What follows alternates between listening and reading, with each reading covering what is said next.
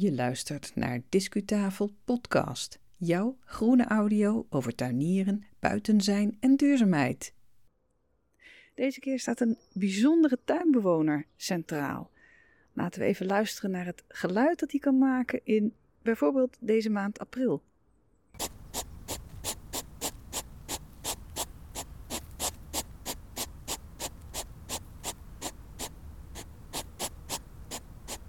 Wat dit voor een dier is, dat wordt je gaandeweg duidelijk.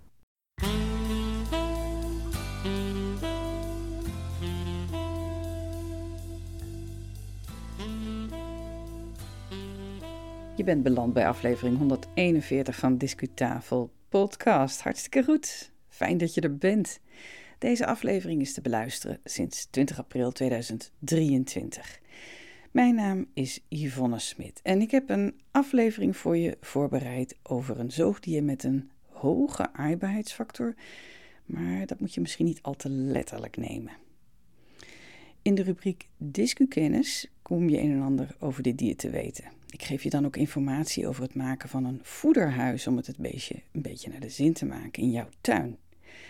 Maar na het maken van die opname afgelopen jaar heb ik dit jaar ook een oplossing ontdekt die nog veel praktischer is als het gaat om het voeren van dit dier. En die oplossing blijkt nog te werken ook. Dus daarna volgt in de rubriek Discutips die praktische tip daarover. Enig drama zit daar ook nog in trouwens. Tegen het einde van deze aflevering laat ik je een dierengeluid horen uit een heel andere categorie. Maar je moet er eens op, letten of je dat geluid kunt horen wanneer je vanaf, nou zeg maar, medio april verblijft in het oosten van Nederland. Toevallig. Want dan is dat diertje er hopelijk weer. Maar nu eerst naar ons eigen tuindier. En ik hoop dat deze aflevering je ertoe prikkelt om hem een fijn thuis te bieden in jouw groene oase.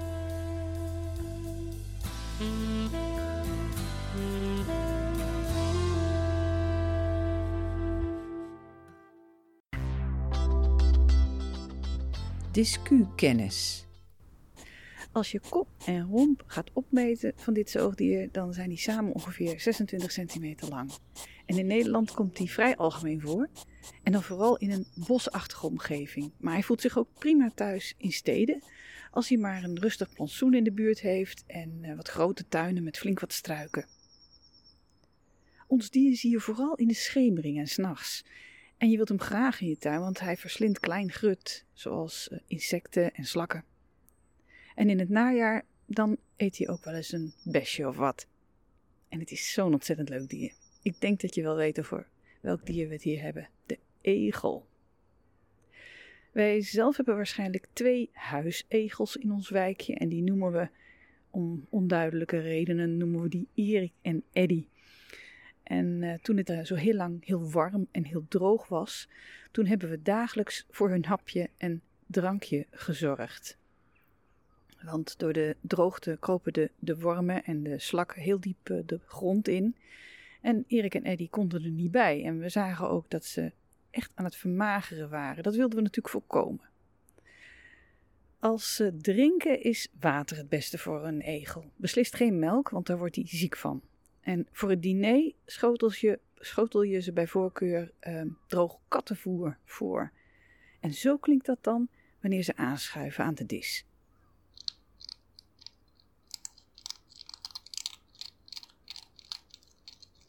Nou, die uh, vlijmscherpe tandjes die uh, weten wel raad met droge kattenbrokjes, zoals je kunt horen. Nou, om nou te voorkomen dat uh, katten zo'n schaaltje leeg eten, kan je het beste een uh, voedervoorziening bouwen voor egels. En hoe doe je dat? Nou, je begint met een, een gang. En die gang die heeft een, uh, een diameter van, zeg maar, een omvang van 13 bij 13 centimeter. Dat is zo'n zo beetje de grootte van zo'n ouderwets cd-doosje. Daar kan de egel door. En daarachter dan zet je dan het voederschaaltje in een, in een kist of iets dergelijks waar ook geen kat bij kan. Die egel die wandelt door het gangetje naar het voer en de kat heeft het nakijken. Ik heb intussen diverse bouwtekeningen gevonden op internet van zo'n eh, egelvoederhuis, maar ik ben er nog niet aan toegekomen om hem eens eh, in elkaar te zetten. Ik moet ook nog wat materialen daarvoor verzamelen trouwens. Wij hebben wel eens een slapende egel aangetroffen onder de ligusterhaag die aan onze tuin grenst. Want hij is in de winter heel erg inactief. Hè? Dan houdt hij een winterslaap en dan zoekt hij een bladerhoop op of een stapel takken. En pas ook op wanneer je je composthoop gaat omzetten, want meneer of mevrouw egel kunnen daar wel eens in gaan zitten. Als je naar de voetsporen van een egel kijkt, ofwel de prenten, dan zie je eigenlijk de hele afdruk van de voedsel met vier of vijf lange tenen. Maar zelf vinden wij die prenten niet snel terug in de tuin. Wat we wel zien, dat zijn de uitwerpselen, vooral op het tuinpad. En die zijn uh, cilindervormig, ongeveer een, uh, centimeter dik zeg maar, en een paar centimeter, zo drie, vier, vijf centimeter lang. Ze zijn vaak zwart en ze vallen heel erg op omdat ze brokkelig zijn en je ziet er glinsterende deeltjes in.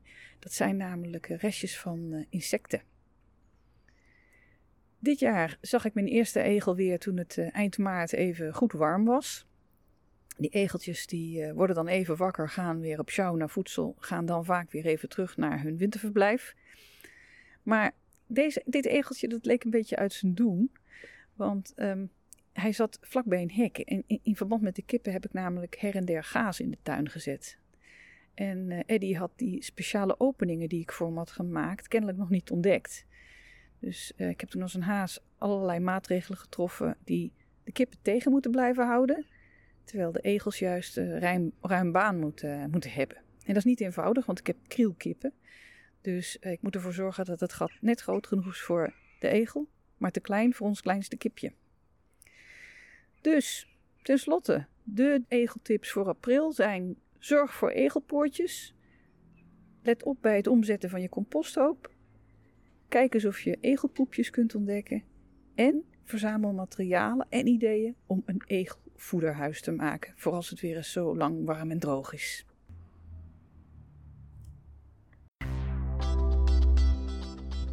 Discu-tips. Nou, we maken even een, uh, een, sprong in de tijd en in de plaats. Want enkele maanden nadat ik uh, de vorige opname had, vastgelegd, heb ik iets heel anders uitgevonden als het gaat om het uh, geven van voer aan egeltjes. En dat vertel ik je nu vanuit mijn eigen stadstuin.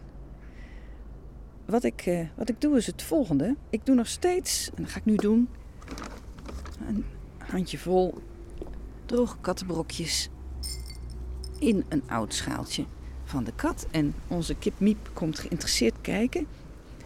Die lust dat ook wel. Maar wat ik nu erbij doe, is een schoteltje. Ik pak een schoteltje met een diameter die net iets groter is dan het schaaltje. En dat leg ik op dat bakje. Onze Miep loopt er langs en die weet niet hoe ze erbij kan komen. Maar niet alleen die kip weet dat niet. Gebleken is ook dat onze eigen kat niet snapt hoe die dat schoteltje eraf kan krijgen. En eventuele muizen ook niet. Maar wie het wel snapt, dat is Eddy. Ik heb namelijk zelf gezien dat Eddy er naartoe loopt en daar komen mijn andere kippen aan. En die duwt met zijn eh, snuitje de schoteltje omhoog en begint lekker te eten. En ja, nu in april 2023 heb ik echt gemerkt dat het egeltje bijna iedere dag weer komt en dat het eh, bakje de volgende ochtend weer, eh, weer leeg is. Werkt dus heel erg goed. Ik heb het opgepikt, het idee van een Twitter-account uit Engeland, uitgetest en het werkt.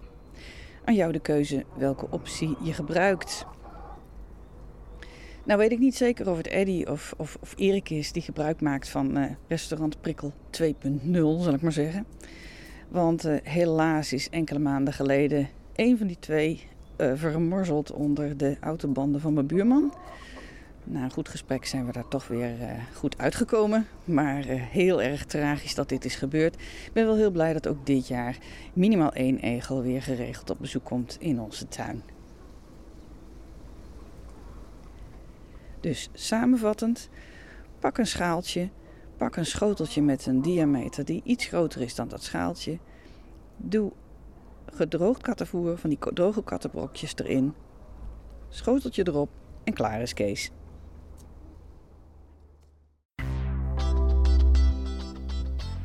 Discuslot. Nou, dit was dan onze aflevering over de egel.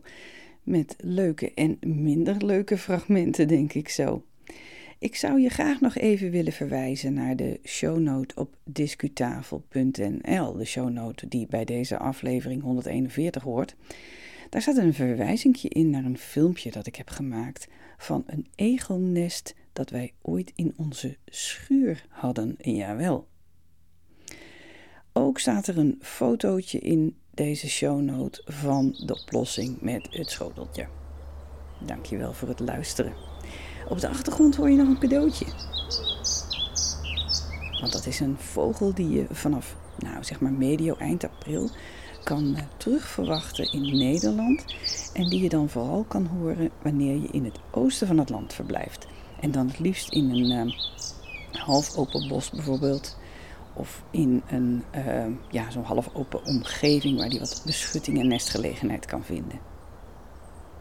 Wat zou het zijn?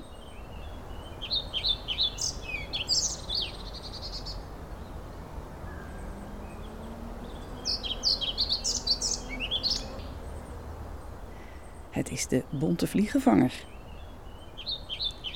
Informatie over deze mooie vogel kan je ook terugvinden via discutafel.nl in onze shownote.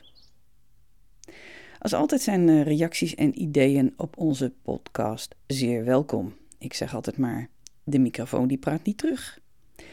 De volgende aflevering die verschijnt waarschijnlijk eind mei 2023. Want in de tussentijd ga ik wat andere dingen doen en daar hoor je waarschijnlijk later dan weer, weer iets over terug. Ga intussen lekker naar buiten. Graag tot de volgende keer. Mm-hmm.